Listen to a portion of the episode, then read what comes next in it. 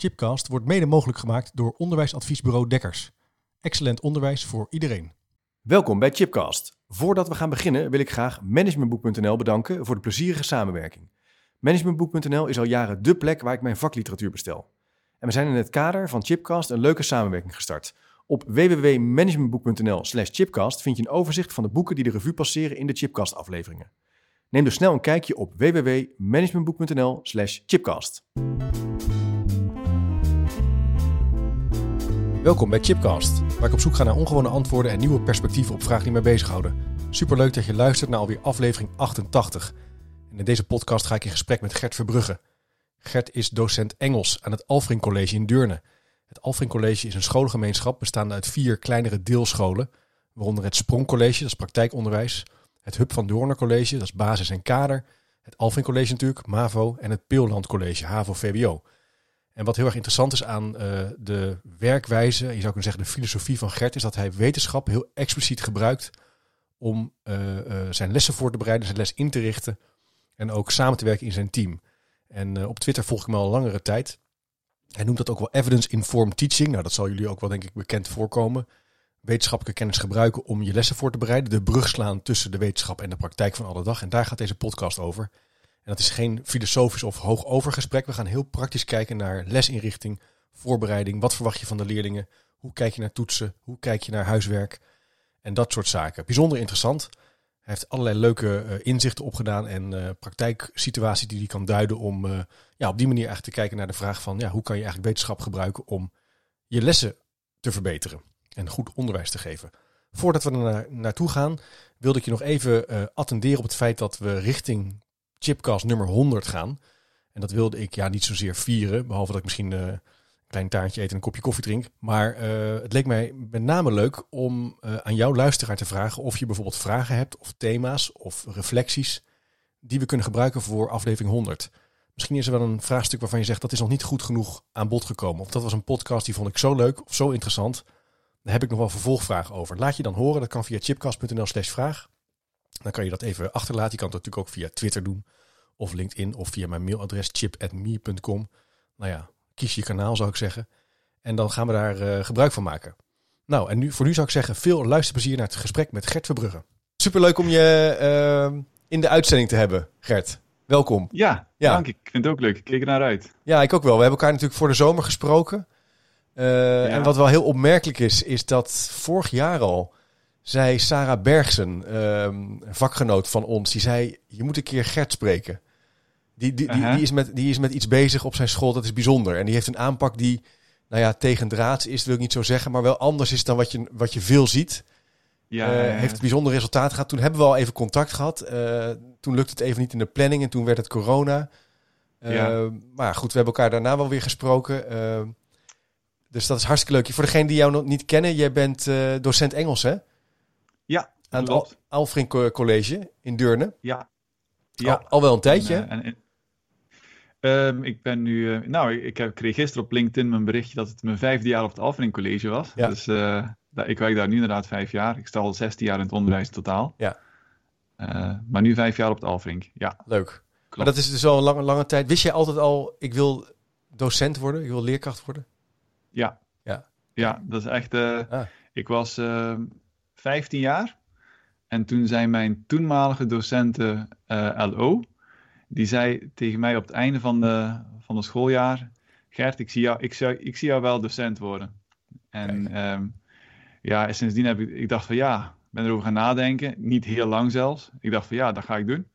En ik was echt geen goede student op de, op de middelbare school. Ik, nee. als ik thuis kwam, ging ik liever, nee, ik ging liever sporten en voetballen. En ik had echt, uh, ja, ik vond school niet zo leuk. Maar vanaf dat moment had ik echt een doel voor ogen. En um, ja, ik ben toen uh, ja, in Gent gaan studeren voor docent Engels en lichamelijke opvoeding. Dus dat is een combinatie dan. Ah, oké. Okay. En um, hoewel ik echt geen student was en, en niet, voor, voor, mijn gevoel niet zo goed kon studeren, heb ik toch alles in één jaar gehaald. En dat was lang niet iedereen gegeven. Maar dan zie je maar wat motivatie kan doen. Hè. Als je een doel voor ogen hebt, dan, uh, dan ga je er ook ja, voor. dan ga je er gewoon 100% voor. Wat, wat maakte dat je naar Gent bent gegaan? Uh, ja, ik woonde in, in België. Ah, dus, ja. ja, ik ben ook uh, Belg van uh, oorsprong. Oh, dat wist ik tot mijn 21ste gewoon in België. Ah. Ja, ik ben undercover. Dus, Geïnfiltreerd. nee, ja.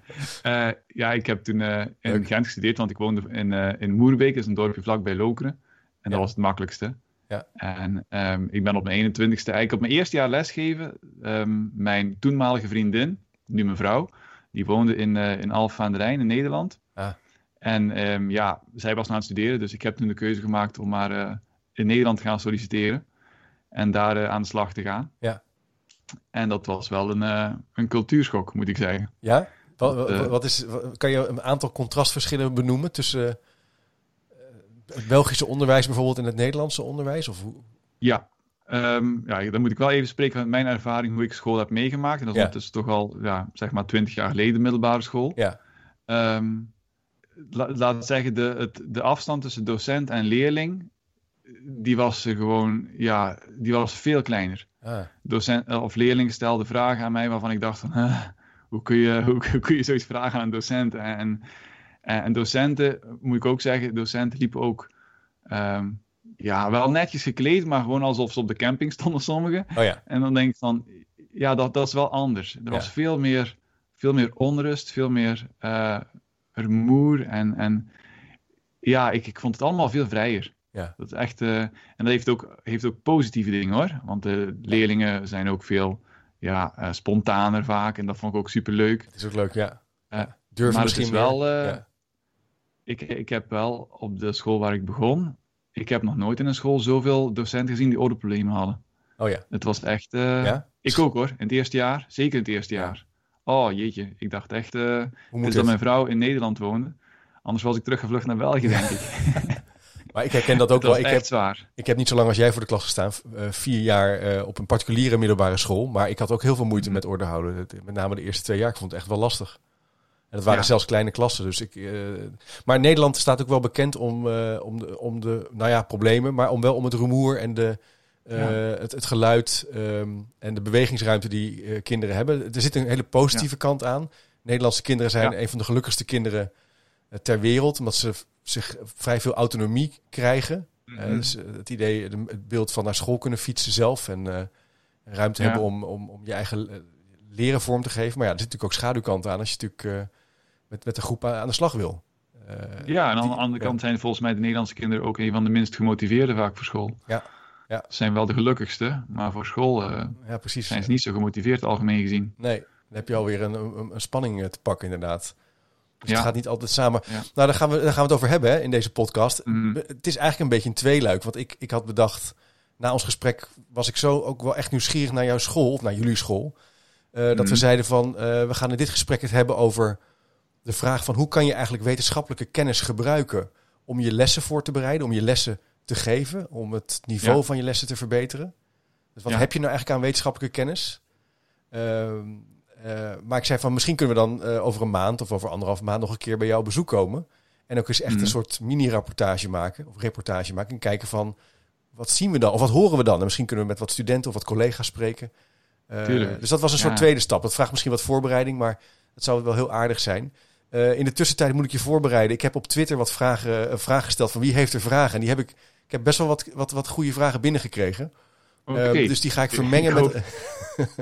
ik hoop dat ik ze kan beantwoorden. Ja, ik hoop het ook. nou ja, het zijn, zijn interessante vragen van, van collega's, docenten.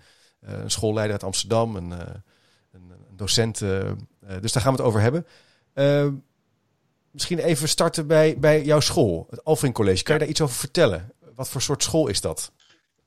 Um, het Alvin College is een, um, is, is, een MAVO-school mm-hmm. in Deurne. Um, het is eigenlijk een, ik, ik, denk in verhouding met andere scholen in Nederland toch een relatief kleine school.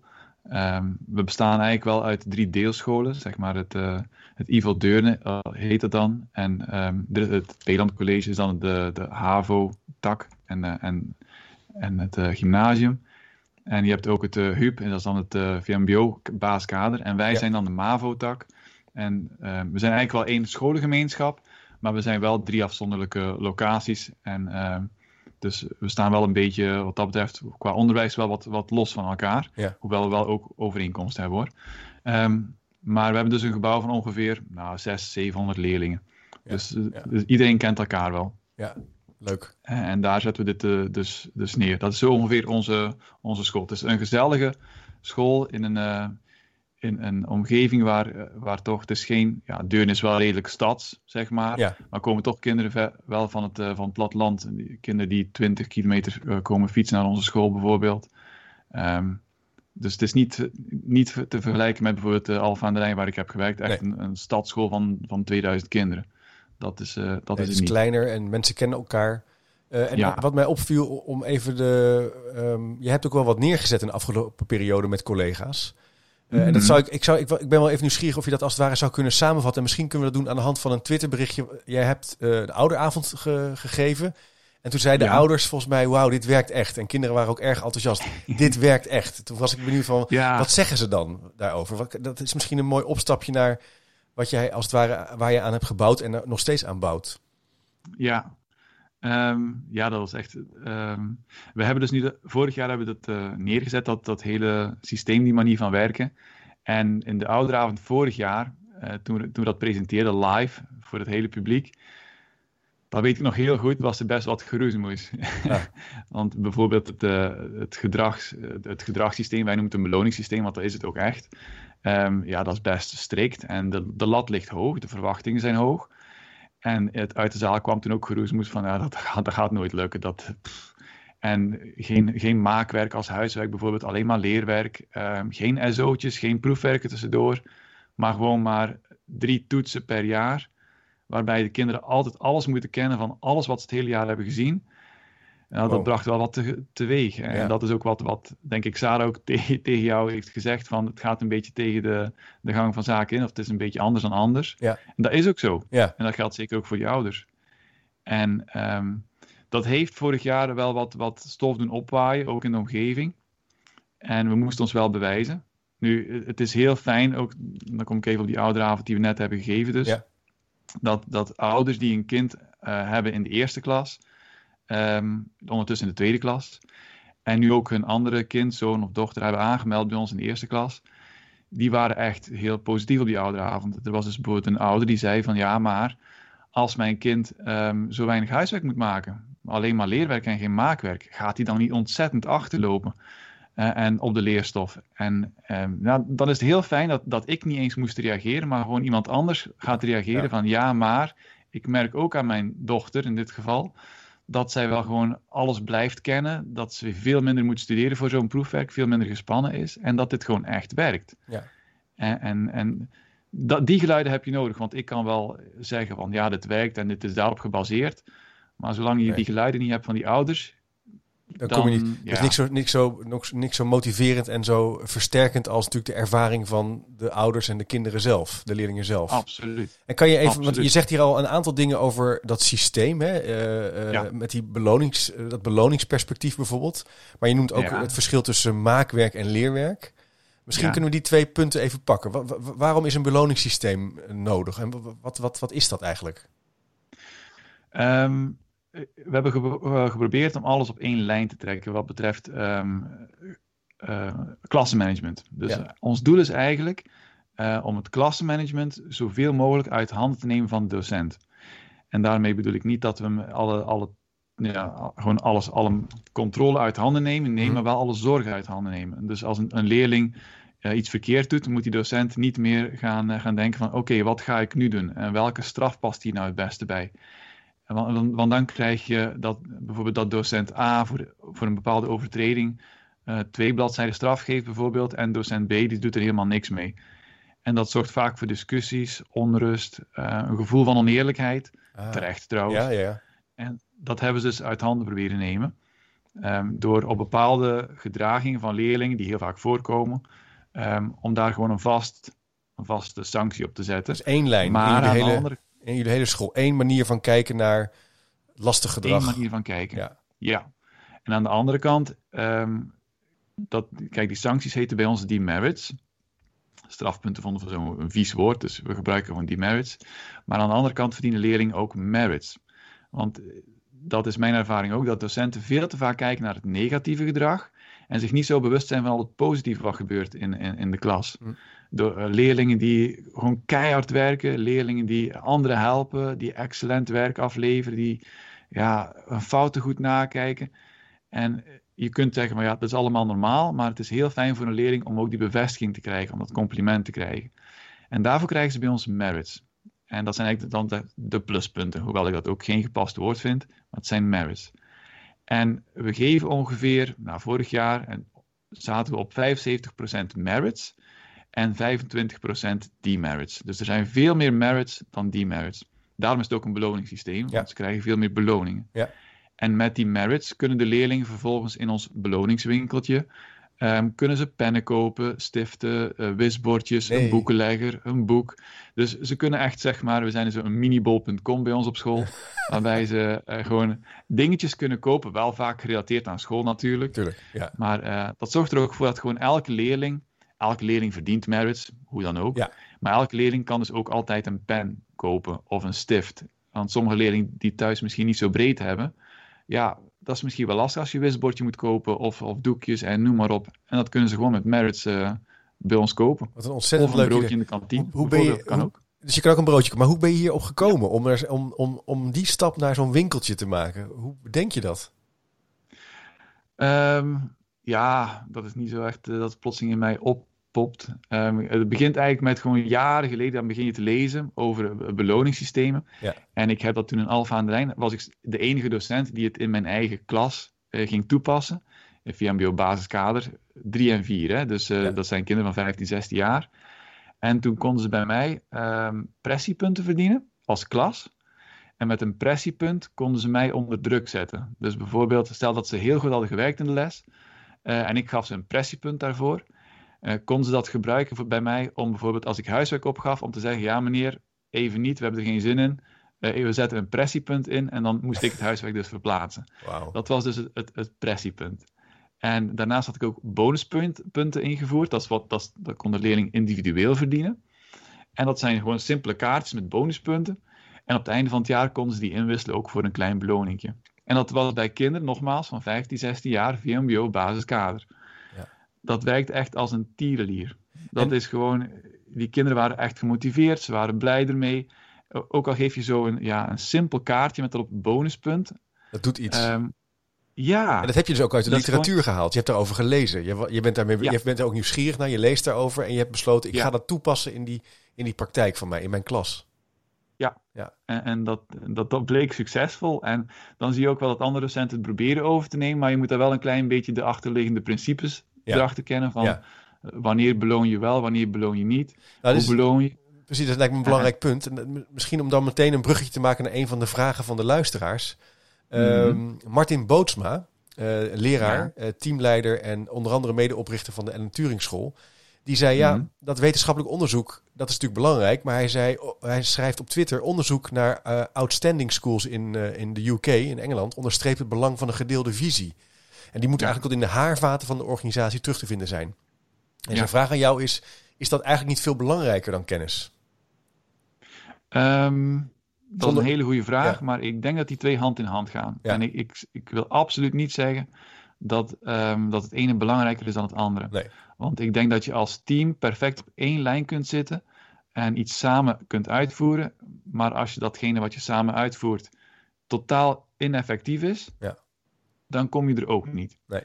Dus je, het moet samen gaan. Ja, het is een Dus soort je kunt niet zeggen dat het ene belangrijk is dan het andere. Nee. Want je kunt ook dingen die ehm, de wetenschappelijke kennis kun je ook proberen ehm, uit te voeren in je eentje en verkeerd uitvoeren. Dat kan ook, hè? Ja. Dus je moet het wel als, eh, als team doen. Ja, en, en, en ik vind wel dat die kennis wel absoluut, die kan niet ontbreken. Nee, kijk, als je als, als je, het is ook een beetje de, de, de unit of analysis, zeg maar. Als je kijkt naar een klas, kan het best zijn dat jij in een school wetenschappelijke kennis zoals dit beloningssysteem kan toepassen en in je klas successen kan behalen. Maar de vraag Ja. is dan, eh, eh, komt dat ook in, die andere, in de andere plekken op school terecht? Eh, terwijl je als school, stel je voor je bent heel succesvol in een strategie Ja, uitstippelen, het- dan kan het nog steeds een slechte strategie zijn. Een slechte onderwijsvisie bijvoorbeeld, Ja. die niet gebaseerd is op wetenschap, die wel degelijk kan zorgen voor lagere resultaten. Terwijl iedereen voelt dat het noodzakelijk is. Ja. Dat, ja. Maar e- even terugkomt op het punt, Ja. het punt van Martin dan. Dat is eigenlijk, als ik, als ik nu terugkijk naar wat ik heb gedaan in Alphen met, dat, met, die, met het systeem met pressiepunten en bonuspunten. Ik zou het achteraf niet op diezelfde manier doen, omdat ik het alleen heb ingevoerd. Oké. En ik kan ja. me heel goed voorstellen dat mijn collega's, die een ander vak gaven, die niet werken met bonuspunten en pressiepunten, daar last van hebben. Ja. Want ik doe het wel. Ja. En die kinderen vragen dan, ja, waarom doet, doet u het niet? En, hij doet het wel. Dus ik heb het mijn collega's op die manier ook lastiger gemaakt. Stond ik toen niet bij stil? Nee. Nu wel. Ja. En daarom dat ik nu in ons, ons systeem, wat wij hebben gedaan, er ook echt op hamer dat we het allemaal samen doen. Ja. Dat we allemaal op één lijn zitten. Dus je moet met Dat elkaar belangrijk. Dus dat zou eigenlijk een tweede bouwsteen kunnen zijn. Dat is ook nog steeds wel een, een, een reflectie op het punt van Martin. Je moet eigenlijk als, of moet, het is als school belangrijk samen na te gaan denken over hoe gaan we dit aanpakken. Wat is eigenlijk onze visie op leren, op kennisoverdracht, op doseren. Eh, Ja. Jij hebt daar ook, ja, ik volg je dan ook via Twitter. Ik herinner me ook dat jij daar ook met je team en met je school aan werkte. Dat gesprek eigenlijk voeren. Dan merk je ook wel dat sommige mensen natuurlijk misschien andere opvattingen hebben. Of niet, zich niet bewust zijn van bepaalde ideeën. Of... Dus Mhm. dat is ook wel een, een, een, een, dilemma of een lastigheid eh, in dat bouwen. Hè? Ja, je, je, moet de mensen, je moet de mensen meenemen. Eh, en je moet eigenlijk gewoon terug, ehm, ja, je moet, net zoals bij leerlingen, je begint op het punt waar de leerling is. Ja. Dus de voorkennis die hij heeft, en vanaf dat, vanaf dat punt ga je verder onderwijzen. Ja. Eh, zo kun je het ook bij de collega's zien. Eh, je, je pikt op wat, wat ze al weten. En de dingen die ze verkeerd hebben opgepikt, die probeer je dan nou ja, bij te sturen. Maar je moet ze wel gewoon heel veel kennis meegeven en uitleggen waarom zoiets wel werkt of niet werkt. Ja. En dan pas kun je verder. Ja. Je kunt niet zeggen van eh, je moet dit gaan doen omdat het gewoon werkt en verder geen achtergrondkennis meegeven.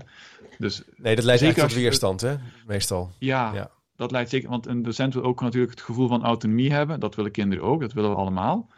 Dus je, wat wij eigenlijk doen is, we geven die docenten de, de kennis mee. En vervolgens kunnen ze met die kennis in hun klas zelf bepalen welke didactiek ze gaan gebruiken, welke werkvorm ze gaan gebruiken.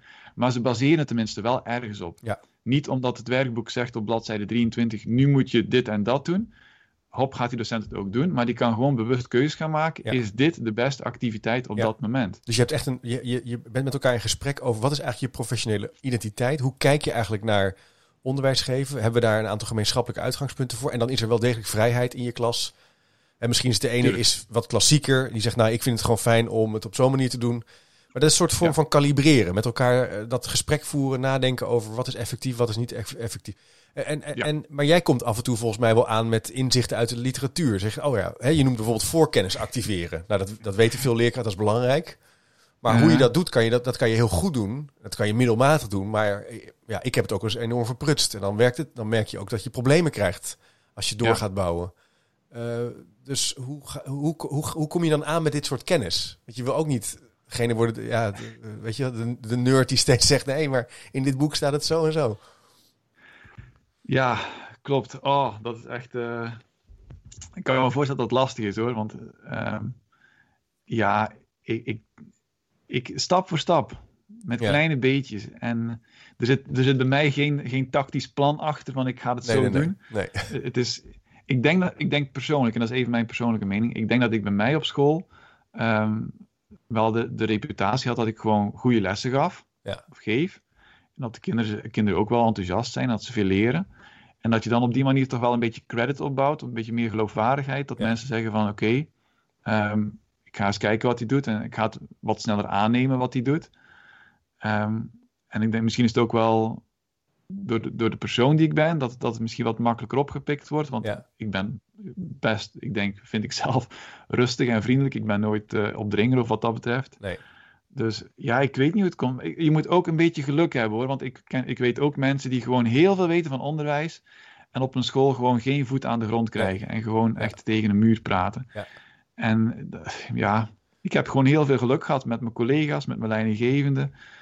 Ja, Nee, het is ook de, de, dit gaat ook wat misschien niet zozeer over. Dit gaat over een eh, kennis, of als expert, Mhm. kennis overdragen naar andere collega's. En dat is ook een vorm van Ja. aantrekkelijkheid. Er zit een relationeel aspect in. Van vind ik het leuk om met jou tijdens de koffie te praten over eh, een Ja. les? Of, of, of denk ik, oh, daar gaan we weer. Dan krijg ik weer een beetje ja, eh, feedback ongevraagd. Weet je wel? Dus het vraagt ook om een manier om het aantrekkelijk te maken, zodat je zo'n gevoel hebt van hé, hey, dit, is, dit is de moeite waard. We kunnen op die manier boeken bespreken, Ja. inzichten bespreken, stellingen bespreken. En zo'n zo'n Ja. zo'n eh, zo'n werkomgeving eh, bevordert natuurlijk verbetering. Dat is niet alleen het onderwijs overigens, dat zie je ook. Ik heb in ziekenhuizen overal. trajecten ja. gedaan, daar zie je het ook. Eh, plekken waar dat gebeurt, ja, dat presteren teams vaak beter. Ja. ja. maar ik weet ook heel zeker dat er bij mij op school collega's rondlopen die denken van, oh, daar is die weer. Ja, precies. Die heb je toch wel, ja. Dat gebeurt overal. Ja, ja. die vraag, daar kan ik wel even een bruggetje naar maken naar, nou ja, alweer een vraag. Ehm, van Erik X, docent geschiedenis in Amsterdam, projectleider van Schoolinfo en ook columnist in de Trouw. En hij zegt van, ja, ehm, mijn ervaring is het dat op de VO-scholen leraren en zelfs ook wel schoolleiders veel vakgerelateerd lezen, maar weinig beroepsgerelateerd. Hoe komt dat volgens jou? Is dat op jouw school ook zo? En heb je er een oplossing voor? En vakgerelateerd, ja, je bent met Engels bezig, met Nederlands, je leest over geschiedenis, maar beroepsgerelateerd zou kunnen gaan over didactiek, pedagogiek, ja. lesvoorbereiding. Klopt dat? Is dat uh, klopt dat wat jou betreft? Wat Erik, Erik zijn gedachten? Um, ja, misschien is het een beetje kort door de bocht, maar mijn ervaring is niet zo. Mijn mhm. ervaring is dat docenten eigenlijk ja, en dan wil ik echt niemand tegen de schenen schoppen, echt niet. Maar dat te veel docenten gewoon te weinig lezen. Geen mm. van beide. Mm. Niet vakgerelateerd en niet beroepsgerelateerd. En dat komt vaak, en dat uh, neem ik absoluut niemand kwalijk hoor, omdat je in de waan van de dag zit. Ja. En het is gewoon, onderwijs geven is heel zwaar. Ja. En, eh, en als je daarnaast ook nog moet gaan lezen, dat is... Uh, gewoon veel. Ja, dat vraagt ook wat. Zeker als je een gezin thuis hebt bijvoorbeeld, dan uh, ja, dat is heel lastig. Um, dus ik heb, ik heb persoonlijk niet... Nee niet het idee dat docenten, ja, er zijn uitzonderingen, heel veel gaan lezen. Of het moet aangeboden worden door school. Um, dus ik, ik nee. nee. Vakgerelateerd. Nee, ik kan, ik kan echt niet zo goed antwoorden op die vraag, omdat ik dat, dat gevoel niet zo heb. jij zegt eigenlijk van alle, allebei de vlakken, vlakken gebeurt het onvoldoende. En jij zegt van een, een oorzaak daarvoor is uh, de zwaarte van het beroep. Hè? Dat, uh, ja. dat herken ik ook wel. In als ik college geef een halve dag, dan heb ik ook gewoon last van mijn stem bijvoorbeeld. Last van mijn. Ja. Je bent gewoon van het staan als je staat, van het rondlopen. Je bent gewoon wel moe. Soms gaat, dus het kost energie. En je kan niet alles in de dag. Uh, nee. En wat mij ook een tweede punt wat mij opvalt, uh, gekoppeld aan deze vraag, is dat in heel veel scholen ze zeg maar vakverdieping en reflectie heel sterk koppelen aan studiedagen. Zo van, oh ja, dan doen we dat dan wel uh, over zes weken. Dan komt er iemand over leerstijlen praten of over, of over dit of over dat. En dan doen we daar, ja. terwijl ja, vaak is de transfer van wat daar wordt geleerd naar de praktijk vaak vrij laag. En het maakt ook een beetje lui, want er gebeurt natuurlijk van alles in die werkpraktijk waar je het over kan hebben. In, in, maar ja, dat doe je dan niet. Hè? Dan ga je als het ware denken, nee, ik geef nu de les en straks dan uh, gaan we weer leren. Ja, ja, als, je, als je gewoon kijkt naar hoe docenten er al vaak bij zitten, als, als, een, als er weer een, iemand een scholing komt geven van, oh, daar gaan we weer. Komt hij weer vertellen wat we moeten doen. Ja. En ik snap het ook wel, maar dat is ook de schuld van scholen, vind ik. Of van de mensen die die, die scholingen inplannen. Ja. Want die houden blijkbaar ook geen rekening mee met, met een vergeetcurve. Bijvoorbeeld dat docenten gewoon, ja, binnen twee, drie weken zijn ze alles wel weer kwijt. Ja. Of gaan ze weer door met de rest. Dus eigenlijk, dat doen wij op school ook wel anders. Elke scholing die wij geven staat allemaal in het kader van wat we doen. Ja. Um, dus het is nooit een keer iets wat er gewoon bij komt van buitenaf, wat je heel moeilijk kunt gaan implementeren in de praktijk. Nee elke scholing is in, in, het kader van wat we doen. We hebben hoge verwachtingen al gehad, we hebben EDI al gehad, eh, formatief werk komt er nog aan binnenkort. Dus het is allemaal... Heel dicht aan jullie focus. Ja. ja. dus het is niet, je, het is niet zo'n dag dat je denkt, oh, nu gaat het over iets totaal anders. Het, het, het zit dicht op de praktijk. En uh, ja, dat helpt natuurlijk. Hè. Dan, dan, wordt, dan wordt leren ook werken, zou je kunnen zeggen. Dan, zeg je, dan ben je op zo'n studiedag eigenlijk aan het werk. Het vraagt wel, mijn ervaring vraagt het wel wat van scholen. Want er is natuurlijk ook wel een heel businessmodel rondom studiedagen. Mensen die gewoon hun dingetje doen op zo'n dag. Die gewoon de slides presenteren, de, de opdrachten. Je moet als schoolleider je ook gaan bemoeien met zo'n studiedag en zeggen: Ik wil het ook zo. Hè? Ik wil, uh, ja. is, anders dan krijg je gewoon ja, vaak een middelmatige dag. Ja, klopt. Ja, ik heb in die 16 jaar in het onderwijs heb ik al zoveel projecten meegemaakt. Soms van een middagje, maar soms ook langlopende projecten die echt heel veel geld kosten. Ja. Waar gewoon eigenlijk bijna geen rendement van is. Nee. En eh, dat, is, dat is iets waar ik bij ons op school echt heel erg voor waak. Ja. Dat het gewoon dat dit doorgezet wordt, dat alles wat we doen qua scholing verdieping is, ja. verbreding, maar wel altijd met hetzelfde doel voor ogen. En het fijne is dan ook als je um, allemaal dezelfde scholing krijgt, met hetzelfde bezig bent, en vervolgens um, en op dezelfde lijn zit, ja. en vervolgens bij elkaar in de les op bezoek gaat, je elkaar ook kunt aanspreken op de punten die je gemeenschappelijk hebt, waar je allebei de kennis over hebt. Ja. En, en dan heb je ook, en dan, dan ga je echt stappen maken. Ja, dan ga je bouwen. Als ik, Maar dan heb je denk ik ook het gevoel, als je dan die dag werkt, dat je op die studiedag, dat je stappen verder bent gekomen. Dat je Ja. daar wat aan hebt de volgende dag. Ja, ja, Ja. want je, koppelt het ook meteen aan, aan wat je weet, wat je al weet. Wat je, precies, eigenlijk net bij Ja. kinderen, wat je hè, bij leerlingen ook doet. Als je Tuurlijk, ja. met, met je Engelse les bezig bent, je bouwt op. Ja, ja, absoluut. Ja. Dus, eh, dus als je als, als docent plotseling een scholing krijgt die gewoon helemaal los staat van je praktijk en waar, en waar een oplossing wordt geboden voor een probleem wat jij niet ervaart, ja, dan snap ik wel dat, het, eh, ja, dat je niet super gemotiveerd bent. dat ja, geldt ook voor leerlingen, denk ik. Hè? Dit, dit, ja, dat is, dat is natuurlijk. Ja, daar zit er geen verbinding mee. En dat zie je natuurlijk in, in, in ons vak van, van leren, van, van onderwijs heel sterk. Hè? Dat er ook wel, hè, dan gaat het in één keer weer over leerstijlen of over het, het, het, het- ja, het hoogbegaafde kind. De- de- Dat is op zich natuurlijk niet erg, want dat zijn interessante thema's. Maar als je natuurlijk van de hak op de tak springt en er zit Ja. geen lijn in en die, die dingen worden ingekocht door eh, hele, eh, ja, het zijn allemaal vriendelijke mensen met de goede intenties, maar het landt natuurlijk niet. Nee, Nee. nee. Nee, dat is een, Zonde belangrijk van- punt. Zonde van de tijd, zonde van het geld. En, ja, absoluut. Ja. absoluut. Hey, en een vervolgvraag. eh, die, ik schreef meteen op. ehm, jij zei namelijk in het begin: bij ons hebben we geen maakhuiswerk, maar leerhuiswerk. Ja. Kan je daar wat meer over zeggen? Wat, wat, even voor degene die nu denkt: eh, ja, wat betekent dat verschil?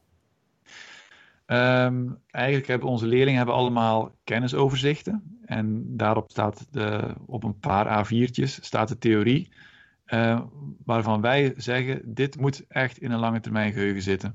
En daarmee moeten ze kunnen spelen. Hmm. Ehm, Kan je een voorbeeld geven? Je, als je, Ehm, ja, bijvoorbeeld van.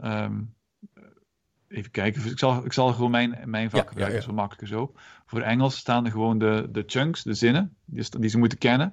Ehm, die staan daar op zo'n kennisoverzicht. Daarmee moeten ze kunnen, die moeten ze gewoon echt helemaal kennen. Ja. En vervolgens kun je in de les met die chunks, met die zinnen, kun je gaan spelen. Je kunt, gaan, gaan, je kunt van volgorde gaan veranderen, je kunt dieper ingaan op de grammatica. Ehm, maar je- ze kennen die chunk dan al. En Ah, op het moment dat ze die begrippen kennen, ehm, voor een ander vak begrippen, in mijn geval dan de chunks, de zinnen, kun je daar meteen dieper op ingaan. Ehm, zonder dat je alles nog moet gaan uitleggen. Ja. Eh, ik zal het voorbeeld geven van de, de simple present in het Engels. Ehm, ze hebben dus in, als leerwerk geleerd: I enjoy playing football. Eh, he, he enjoys playing football. Dat zit allemaal al in hun hoofd. Alleen ze, ze hebben nog geen idee dat ze de simple present aan het gebruiken zijn. En vervolgens in de les, als, dat, als ze dat echt heel goed kennen al, zeg ik: Oké, jongens en meiden, je ziet bij he, she en it komt er een s bij. Dat is de simple present. En het komt er dan eigenlijk op neer dat, dat ze het zo, ja, je, je ontlast het werkgeheugen op die manier. Hè? ja, en ja, ja. ehm, ze hebben mij de simple present, hebben ze in één les, hebben ze dus op kunnen pikken, de theorie. Wauw, Want heerlijk. dan denken ze, oh ja, oké, ja, klopt. eh, Ik dus heb het al in mijn hoofd. ik- precies, ze maken dan een linkje. Ja. En jij noemt, even kijken, eh, even twee termen. Je zegt, lang, het moet in het lange termijn geheugen. Je zegt van, ik Klopt. vind, dus, dat is een, Ja. dus dan zeg je eigenlijk meteen al verschil tussen korte termijn en lange termijn geheugen. Dat is een, een cognitieve, cognitief inzicht wat jij gebruikt. Ja. En, en, eh, Ja. en, en, dus, en dus daarom leren, daarom uit je hoofd leren, memoriseren. Ja, het, dat, is, dat stukje huiswerk is, is vooral, ehm, in, zeker in het begin, eh, is uit je hoofd leren. Dat doen we wel met retrieval practice. Dus we hebben dan kennisoverzichten die ook gaps hebben, die ook openingen hebben. Waarbij ze dan moeten invullen wat het begrip is, of de definitie, of hun eigen woorden te opschrijven. Ja. Of bijvoorbeeld schrijf op alles wat je nog weet over dit punt. Ja. Eh, dat is eigenlijk het studeerwerk. Ja. Ehm, we, we, geven geen huiswerk mee wat, wat, ehm, waarin, zegt, waarin gezegd wordt: Ik wil nu dat je bladzijde 1 tot en met zoveel oefeningen al blablabla maakt. Want het nadeel daarvan is: dat soort huiswerk wordt of vaak afgeraffeld, het wordt of overgeschreven. Ja. Of als je bijvoorbeeld een oefening hebt waar kinderen heel uh, blocked practice, dus heel vaak hetzelfde moeten doen, maar ze maken keer op keer dezelfde fout, dan zitten ze dus die foute dingen Erin in te, oefenen. ja, erin te oefenen. Ja. En ja, dus hebben we veel liever dat ze gewoon thuis de theorie leren, dat ze in de klas kunnen spelen met de begrippen Ja. en dat het vervolgens onder begeleiding van een docent ingeoefend wordt, zodat die meteen alle misconcepties eruit kan halen. Ja, ja, ja, ja. Dus dat, Dat is een slim. beetje het, ja, precies. Dat is een heel, eh, eigenlijk een hele slimme manier om dat, om dat geheugen eigenlijk optimaal te benutten. Het is ook wel prettiger, denk ik, voor een leerling op die manier eigenlijk eh, langzamerhand eh, grammatica te leren of zinsopbouw te leren. Ja, ja want het, en even sprekend van mijn vak. Toen ik werkte met de methode en de gewone huiswerksysteem, het gewone huiswerksysteem van vroeger, ik had altijd, en dat her- herkennen vast al mijn vakcollega's, een leerling kon bijna geen goede zin maken. Nee. Want een leerling kan onmogelijk letten op de grammaticale structuur van een zin, op de betekenis van woorden, op de woordvolgorde. Alles samen, als het allemaal nieuw is voor een leerling, Ja, daar kun je nooit tegelijk op letten. te Dat is inderdaad overbelasting van je werkgeheugen. Ja. En door die chunks aan te, aan, leren, dat is eigenlijk maar één blokje wat ze hebben in hun werkgeheugen dan, kunnen ze zich nog gaan focussen op de andere aspecten. Ja. De woordvolgorde, of de grammaticale structuur, of, of de, de tijd, noem maar op. Dus dan is er veel meer ruimte om over andere dingen na te denken. Ja. Dus ik zie nu ook in klas 1 dat kinderen gewoon echt een half A4'tje tekst kunnen schrijven, zonder ook maar één grammaticale fout erin. Nee, dat vond ik heel cool. Ik zag dat vorig jaar van je. Je hebt er een paar foto's volgens mij van eh, gedeeld Ja. van, eh, van kinderen die dat deden. En dat uh, los dat ik het handschrift ook erg goed vond. Ja, oh ja. Dat is ook wel een punt vandaag dat de is dag. ook niet bij iedereen hoor. Nee, nee, nee. Dat vraagt echt aandacht. Uh, is natuurlijk ook mooi om te zien dat kinderen wel degelijk uh, een langere, nou ja, een brief kunnen schrijven, een A4'tje vol kunnen Ja. schrijven en uh, dat kunnen doen op een manier die gewoon kwalitatief goed is. Ja. Ja. ja. Hey, en uh, dus, Dus dus, dat- dus je noemt even, ik, ga nog even terug, dus heel duidelijk, het verschil tussen leren en maken. Hè? Maak pagina 1 tot en met 8 versus Ja. snap deze structuur, structuur van die zin, leer die uit je hoofd en ga dan doorbouwen. Je had het ook Ja. even over overbelasting van het werkgeheugen. Mhm. wat, wat, wat betekent dat uh, voor jou? Hoe, wat, is dat, wat, wat voor theorie is dat? In jouw, in jouw Ehm, les, hè? Ja. Ja. ik denk dat dit eigenlijk een theorie is die elke docent zou moeten weten. Ja. Ehm, is het eigenlijk dat je eh, werkgeheugen, dus als je prikkels binnenkrijgt, eh, je kunt eigenlijk maar aan, ja, de theorie verschilt een beetje, maar 5 plus of min 2 dingen tegelijk eh, kun je verwerken in je werkgeheugen. Ja. Dus als jij bijvoorbeeld, ehm, nou, opnieuw het voorbeeld van, van eh, ik, zal, ik zal een ander voorbeeld geven. Als je iemand de weg uitlegt en je zegt bijvoorbeeld, ehm, ga hier de straat rechtdoor, vervolgens rechtsaf, dan zie je een stoplicht en, en dan eh, krijg je allemaal van die puntjes. Nou, waarschijnlijk na vier of vijf elementjes raak je de weg kwijt. Ja. Alleen je gaat de weg niet kwijtraken op het moment dat jij al dat gebied kent. Als jij het gebied kent, stel ehm, ik leg jou de weg uit in Deurne en jij bent bekend in Deurne en ik vertel jou dan, oké, je gaat hier rechtdoor bij de rotonde en dan ga je rechtsaf. Dan ga je veel meer kunnen onthouden, omdat je dan je werkgeheugen wordt ondersteund door je lange termijn geheugen. Ja, ja, ja, ja. Wat je al weet. Ja. En dat zorgt ervoor dat je werkgeheugen minder belast wordt. Ja. Dat is eigenlijk zo'n beetje de, het, eh, Wow. het principe wat erachter zit. Dus je lange termijn geheugen ondersteunt je werkgeheugen. Ja. En als, je, als te veel in je lange termijn geheugen zit, is je werkgeheugen dus eigenlijk eh, veel groter. Ja, dit zou dus ook verklaren, maar dat is even, even ik, ja, dit, dit- ik heb hier ook met Paul Kiersner over gesproken in een eerdere podcast. Dus ik, ik, ik ben op zich wel bekend met dat wetenschappelijke concept. Maar als je even dat weer naar de kla- klas brengt, dat vind ik zo leuk aan dit gesprek. Ja. Dat, dat betekent dus als je met kinderen gaat werken, maar je, je, je gaat te veel nieuwe dingen aanreiken. Of een werkboek bijvoorbeeld, dat herken ik wel eens bij mijn eigen kinderen als ik kijk naar hun methode. Er zijn soms zoveel Ja. nieuwe dingen. Dus Ja. eh, de, de, in de zinnen, eh, in het rekenen is er in één keer een bus. Of er is een, een, een nieuw symbool. Of een, eh, weet je, wel, een nieuwe opdracht. Of een hoofdpersonage die knikkers gaat, gaat knikkeren. En het valt mij dan op dat je naarmate je dan doorgaat in zo'n som, wordt het gewoon te veel. Het is, Ja. terwijl als je het eigenlijk simpeler maakt en je gaat terug naar nou ja, letterlijk de aantallen bijvoorbeeld, dan kunnen Mhm. kinderen dan makkelijker twee tot drie stappen aan. En als je dat herhaalt, volgens mij, nou ja, precies wat je zegt, dan komt het in het lange termijn geheugen. Ja, En dat is ik eigenlijk denk dat we allemaal wel, wel Ja, een keer een scholing hebben meegemaakt waar we, die best ingewikkeld is. Waarbij je gewoon na een kwartier afhaakt en denkt van, pff, het wordt ja, gewoon te veel. Omdat er te veel nieuwe dingen zijn. Maar dit, dit betekent dus ook, ook al vind je het leuk en ook al vind je het interessant, dan nog steeds kan het te veel zijn. Absoluut. Wow, ja. Ja, dus dit, dus absoluut. laten we hier even niet. Dus dat betekent echt, eh, kinderen kunnen wel degelijk gemotiveerd zijn en zin erin hebben, nog steeds totaal het pad kwijtraken. Ja. Ja. En, en het, het, het fijne is, als je als docent rekening houdt met die eh, cognitieve belasting, Ja. ehm, en een kind merkt dat hij ook gewoon kan volgen en kan blijven volgen in wat je vertelt, Ja. maar dan raakt een kind gemotiveerd. Ja, ja, ja. Ik bedoel, ik vind, ik vind deze theorieën allemaal heel interessant, maar als ik naar een lezing ga en ik moet na een kwartier afhaken omdat het gewoon veel te veel wordt, ja, dan ben ik ook niet zo gemotiveerd meer. Nee. Dus eh, ja, motivatie komt dan echt uit het gevoel dat je het kunt bijhouden, dat je leert. Daar komt motivatie vandaan. Natuurlijk, maar het, het, het, rottige is dus ook, als je de pech hebt dat dit niet goed gaat, dan raak je dus je motivatie voor leren eigenlijk kwijt. Het wordt, en ook voor een vak, voor Engels of voor ASK. Ja. Het wordt gewoon stom, omdat je steeds Ja. faalervaringen krijgt. Terwijl Ja. als je goed les krijgt, eigenlijk je veel gemotiveerder raakt. Natuurlijk. En we zien heel vaak dat kinderen in de, de tweede, derde, vierde klas minder gemotiveerd raken voor school. Tenminste, dat heb ik al, al vaak gezien. dat is wel bekend. Uh, ja. En of dan vinden ze Engels plotseling helemaal niet leuk meer, want ze zijn daar slecht in. Of wiskunde vinden ze niet leuk meer, noem maar op. Maar dat komt ook vaak omdat ze afhaken. En dat is ook ehm, wat wij bij ons op school ondervangen. Um, de leerling bepaalt het tempo.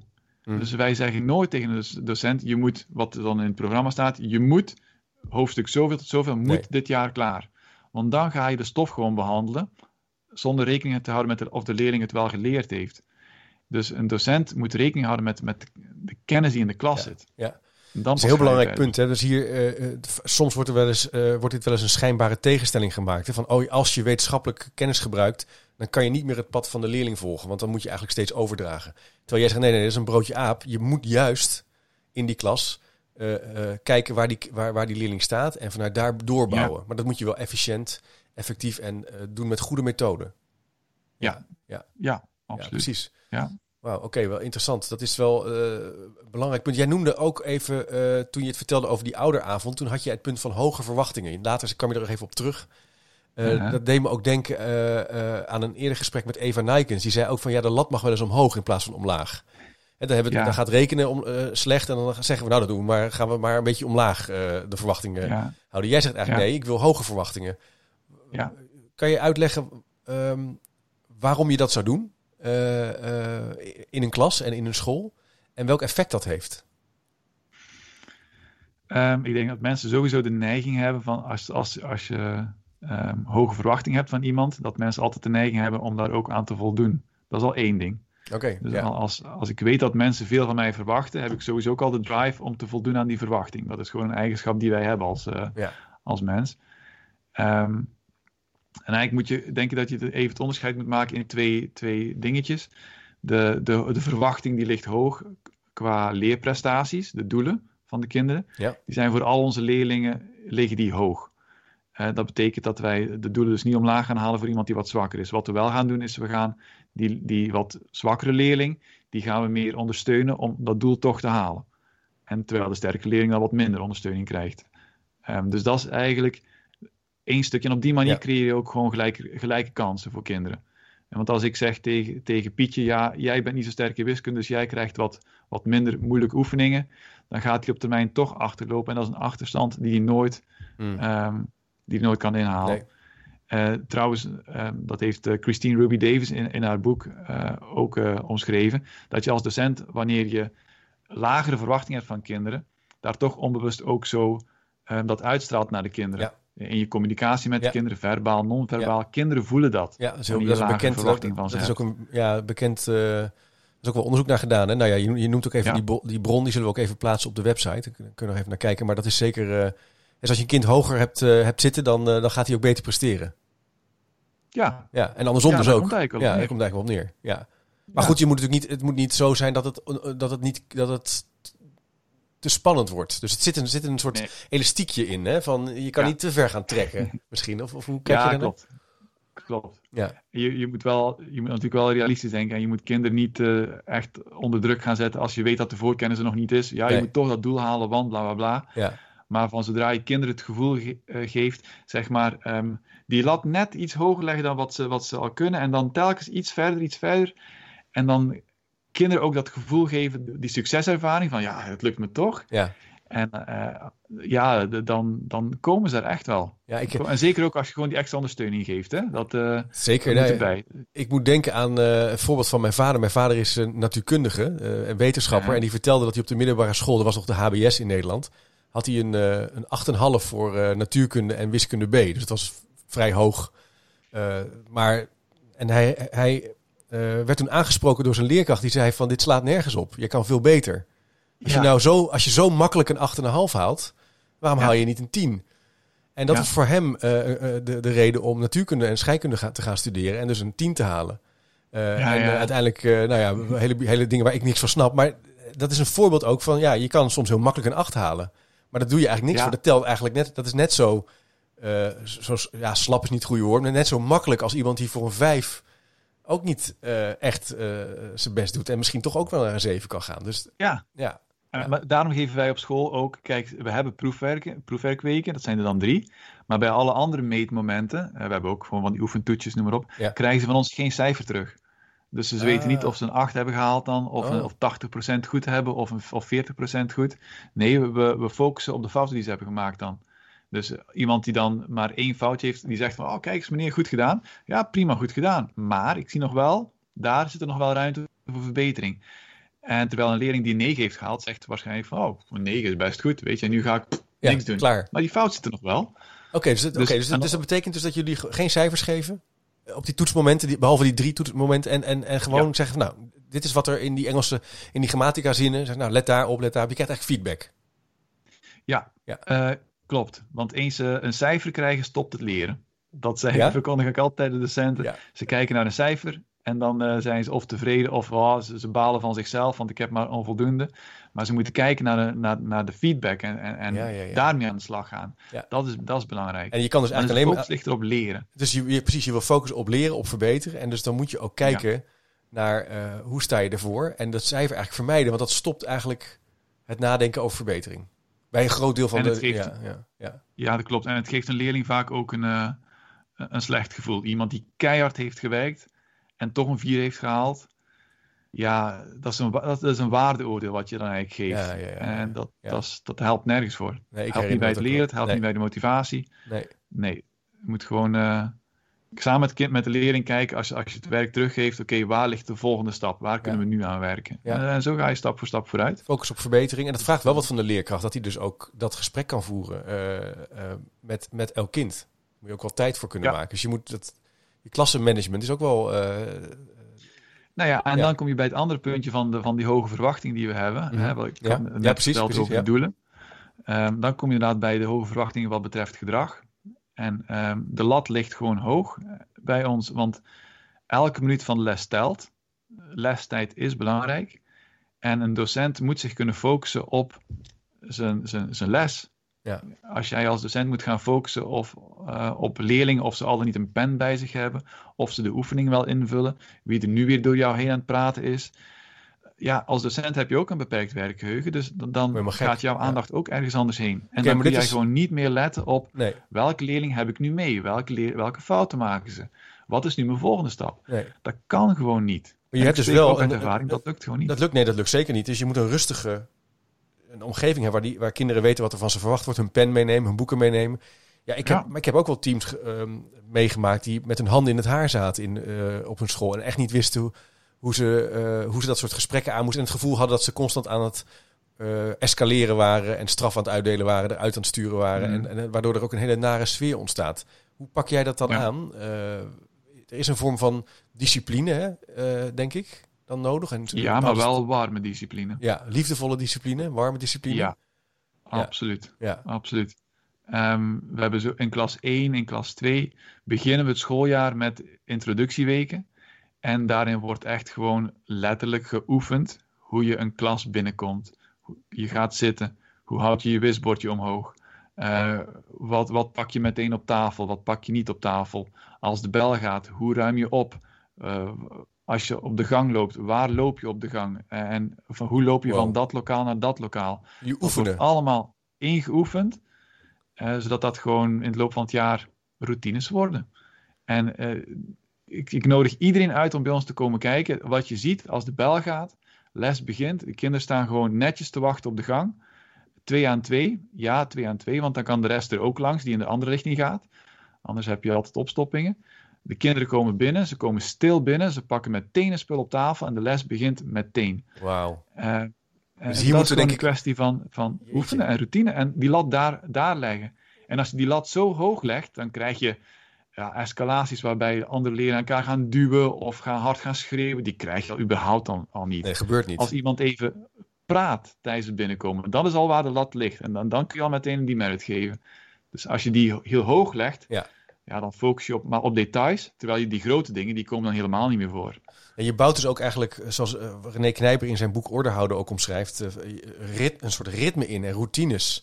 Bijna reflexen van, oh ja, ik sta rustig op, pak mijn spullen op die manier. Maar je gaat dus echt letterlijk oefenen in die introweken. Dus je zegt tegen die kinderen, nou, we gaan nu opstaan, dat doe je op deze manier. Doe het maar even na. Uh, toch? Zo, dat, nou ja, of hoe gaat dat? Of is dat heel kinderachtig wat ik nu zeg? Ze weten hoe ze moeten opstaan, dat, ja, dat lukt Nee, dat is waar. Uh, maar maar uh, ja, we willen dus bijvoorbeeld dat ze rustig op de gang gaan. Dat ze niet de gang opstormen. Want heel vaak zie je al...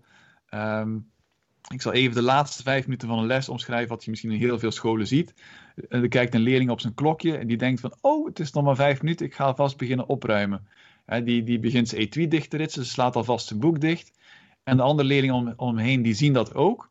En die beginnen ook al rustig op te ruimen, terwijl jij nog staat uit te leggen bijvoorbeeld, of wil checken of ze het snappen. Dus door dat ene gebaar van die leerling, die alvast zijn etui begint op te ruimen, begint de rest ook op te ruimen en pakt hij gewoon vijf minuten van je les af. Ja. Zo gebeurt het vaak. Nu, uh, bij ons, de les gaat door tot het einde. Nu hebben we de routine erbij dat tafeltjes ontsmet moeten worden, jammer genoeg. Ja, ja, ja. Uh, maar de kinderen mogen pas opruimen als een docent zegt, oké, ruim je spullen op. Doen ze dat niet, hebben ze meteen een demerit. Dus gewoon geen waarschuwing, meteen een demerit. Als ze kind op, als ze opgeruimd hebben, dan kijken ze de docent aan en de docent geeft, teken, eh, geeft een tekentje van oké, ga maar. En dan gaat iedereen gewoon rustig de klas uit. Stoelen worden automatisch aangeschoven. En je ziet zelfs heel vaak, nou heel vaak, zo vaak gaan we niet over een bel heen. Maar als een docent toch even door wil gaan over een bel, de bel gaat en de kinderen blijven gewoon rustig zitten. Die gaat gewoon door. Dus uh, er is geen geroezemoes of zo. En dat is gewoon de kracht van routines, denk ik. Ja, tuurlijk. Eh, dan hoef je er ook niet over na te denken. Hè? Het, het is zoals het is. Het, het, het, het, nodigt natuurlijk ook een fijne sfeer uit in zekere zin. Ja. Van, uh, van ja. rust uh, en van structuur. En dat we weten, nou, we gaan nu aan het werk. En dat is ook uh, ja. waarvoor die kinderen natuurlijk uiteindelijk naar school komen.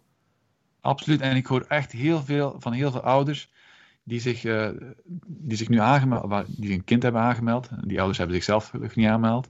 Um, maar die, zei, die hebben allemaal voor onze school gekozen omdat er veel duidelijkheid is en structuur. Ja. En uh, daar is toch nog wel een, uh, ja, een vraag naar hoor. Dat, ja. uh, dat willen ze toch wel. Tuurlijk. En, het, en, ja, en, en volgens mij juist voor, voor kinderen is het ook gewoon fijn. Ja, nee, dat, dat kan ik me gewoon voorstellen. Ja. ja. En, en, en dat blijkt ook wel uit de positieve reacties natuurlijk die, jij, die je nu krijgt. Ja, en, hoe je die beweging nu voortzet en ook wel de zichtbaarheid die je krijgt ja. Uh, bij andere vakgenoten. Ik heb nog een vervolgvraag. Uh, ja, ik kan hier nog wel veel langer over. We hebben al best wel een aantal van die bouwstenen behandeld. Hè? Ja. Uh, dus de, de, de, hoe kijk je naar huiswerk? Hè? Het leren versus het maken. De hoge lat, mm -hmm. de structuur. Um, even nu een, meer een macro-vraag van Annemiek Boshart. Zij is beleidsadviseur bij de Hogeschool Saxion. En haar vraag is: Wordt PABO-studenten geleerd het onderwijs van de instelling waar ze lesgeven kritisch genoeg te beschouwen? Leren ze de lespraktijk te toetsen aan wetenschappelijke inzichten? Zie jij dat, dat dat ja. gebeurt? Um, ja, ik kan geen antwoord geven over de PABO-studenten, aangezien ja, ik in, in het VO werk. Dus ja. ik, ik, ik, zie geen PABO-studenten. Um, nee, ik weet wel ja. van stagiaires die ik nu bijvoorbeeld uh, um, begeleid. En vorig jaar heb ik op, op, uh, op school een workshop gegeven aan allemaal stagiaires van de hele regio. Mm -hmm. over evidence-informed onderwijs. En daar zaten ook um, begeleiders bij, opleiders van die, van die hogeschool. En dat ging toch wel flink, ja, er was heel veel rumoer over. Ja. Um, dus ik, ik haal maar even weer de leerpyramides aan, bijvoorbeeld de leerstijlen, ja. uh, noem maar op. Dat werd allemaal nog uh, onderwezen. En um, ja, sommige, de, sommige leerlingen, sommige stagiaires zeiden echt tegen mij van, goh, ik moet zo wat de helft overboord gooien van wat ik heb geleerd als ik dit volg. Ja. En dat, dat vind ik wel een, een kwalijke zaak. Dat ja. vind ik, uh, ja. Dus ik denk als ik zo antwoord, ik weet niet met, nogmaals, nee, niet het met PABO-studenten is, maar ik denk dat stagiaires toch ja. nog uh, te weinig uh, evidence-informed ja. informatie meekrijgen. Ja, ja.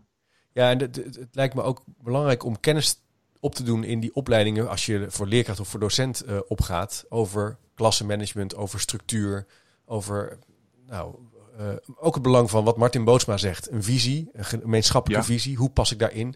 En dat te koppelen ja. aan wetenschappelijke inzichten uh, over korte termijn geheugen, lange termijn geheugen.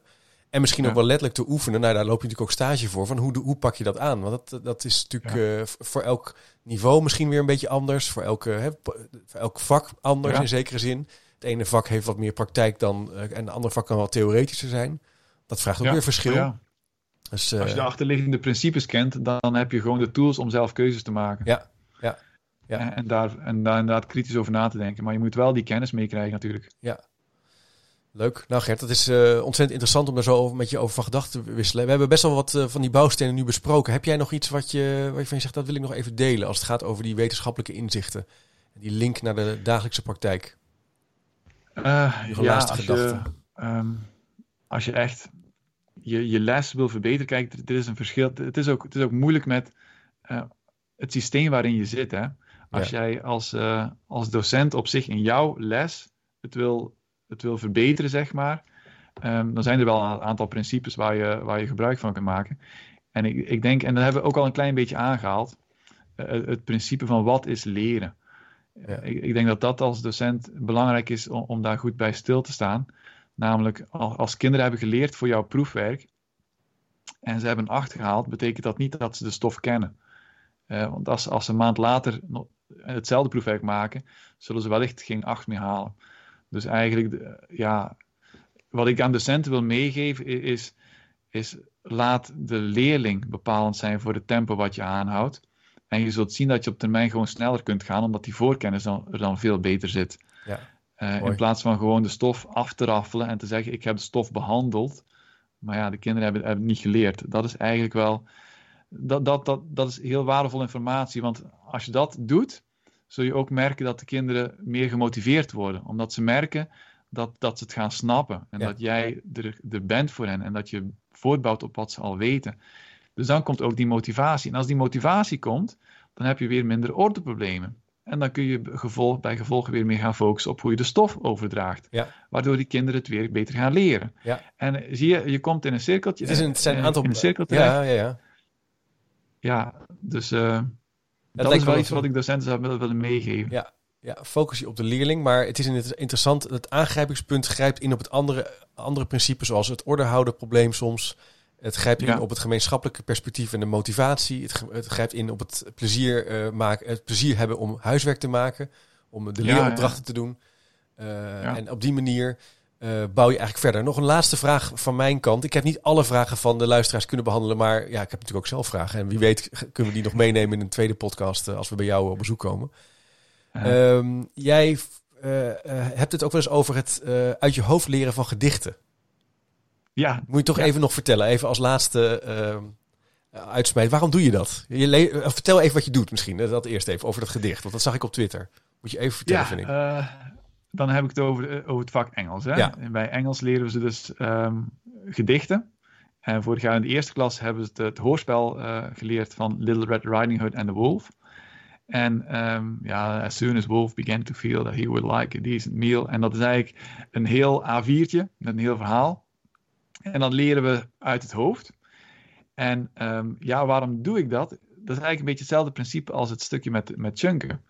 Um, in plaats van een woordenlijst leren, als je zo'n gedicht uit je hoofd leert, dan leer je die woordjes al in context. Je leert in één keer leer je nou, 200, 300 woorden. En vervolgens kun je ook met die woorden weer gaan spelen. Want je kunt er weer intonatie in gaan leggen. Je kunt gaan, gaan werken op de, op de uitspraak. Uh, je, je, kunt weer, wat ik dan doe met het gedicht van Little Red Riding Hood, dat is dus nogmaals één A4'tje. Ja. Maar eens ik zie dat ze dat echt heel goed kennen, dan ga ik gewoon zinnen gaan husselen. En dan ga ik ze laten vertalen. Uh, bijvoorbeeld, oh. um, kijk, de eerste twee zinnen zijn: As soon as Wolf um, began to feel that he would like a decent meal. Um, nou, dan ga ik iets later in het jaar ga ik zeggen: Oké, okay, vertaal maar, ik wil een fatsoenlijke maaltijd. En dan zeggen ze, I would like a decent meal. Ja. Dus dan gaan ze daarmee gaan, gaan puzzelen. Ja, ja, ja, dus al die blokjes zitten mooi als chunk in hun, in hun hoofd. Fantastisch. En ja, en het mooie is ook, en dan kom ik weer bij motivatie. In het begin van het jaar laat ik gewoon dat gedicht horen. Ik draag het voor aan de kinderen. En dan zeggen ze bijna allemaal van, huh, zoveel? Dat gaat nooit lukken. Dat gaat echt nooit lukken. en dan zeg ik tegen hen, wacht maar, tegen kerst kennen we dit allemaal. En uh, dat is ook zo. En als je een keer uh, bijvoorbeeld op het einde van de les, je hebt vijf minuutjes over. Ik moet maar gewoon zeggen tegen de kinderen, jongens en meiden, klaar? as soon as wolf, en hop, daar gaan ze allemaal. Of je doet het even in kanon. zeg maar, de eerste rij begint, de tweede rij begint halverwege, de derde rij. Dan oh, lekker. ook hoor je, Precies, dan hoor je die klanken en dat is ook gewoon plezier maken. Ja, het is ook plezier maken, uiteraard. En het, is, ook gewoon, je bent ook die kinderen zijn ook gewoon trots dat ze het kunnen. Tuurlijk, tuurlijk. En het is ook wel, het heeft iets, heeft iets krachtigs om iets uit je hoofd te leren. Om iets te kunnen memoriseren. Dat is ook wel, hè? Er zit iets in van, wow, dat ik dat kan. Zo'n A4'tje. Ja. Toch? Dat in het begin zeggen ze allemaal, nou, dat gaat echt nooit lukken. en ze kunnen nee. het. En ze kunnen het. En we hebben nu ook voor klas 2, komt er is een ander gedicht. Ehm, dat is meer een verhaalvorm. Dat, dat heet No Breathing. Ik zou zeggen, mensen die luisteren, zoek het even op op, uh, op YouTube. Overigens, het heet Strict, maar het is vooral over No Breathing. Ja. En um, dat begint. When I was at school, we had a, te uh, we had a teacher. Uh, we weren't allowed to breathe in, in, in the lesson. en dat is een gedicht, eigenlijk, het is eigenlijk een verhaal. Maar er komt steeds meer. Toen ik het uit mijn hoofd aan het leren was, in het begin was ik ook aan het opdreunen. Ja. Maar naarmate ik het beter ging kennen, kon ik er ook meer intonatie in leggen, Tuurlijk. meer expressie in leggen. En er komen uiteindelijk ook bij dat gedicht een paar gebaren bij, bijvoorbeeld. Ja. En dat kan er dan ook in één keer bij. Ja. Zodat je eigenlijk gewoon steeds dat ding kunt uitbreiden en steeds vloeiender wordt in het Engels ook. Maar het is fantastisch, Dus, want dat eh, laat ook zien dat Engels of een taal of eh, niet gaat over de feitelijke woorden, maar over de klank en over hoe het, eh, hoe het ene woord samenhangt met het ander. En dat voelen Ja. is ook hè, technisch. Het, het is- gaat niet alleen over technisch leren, lezen, dat natuurlijk is ook heel belangrijk, maar het gaat ook over de flow Ja. ervan. Hè?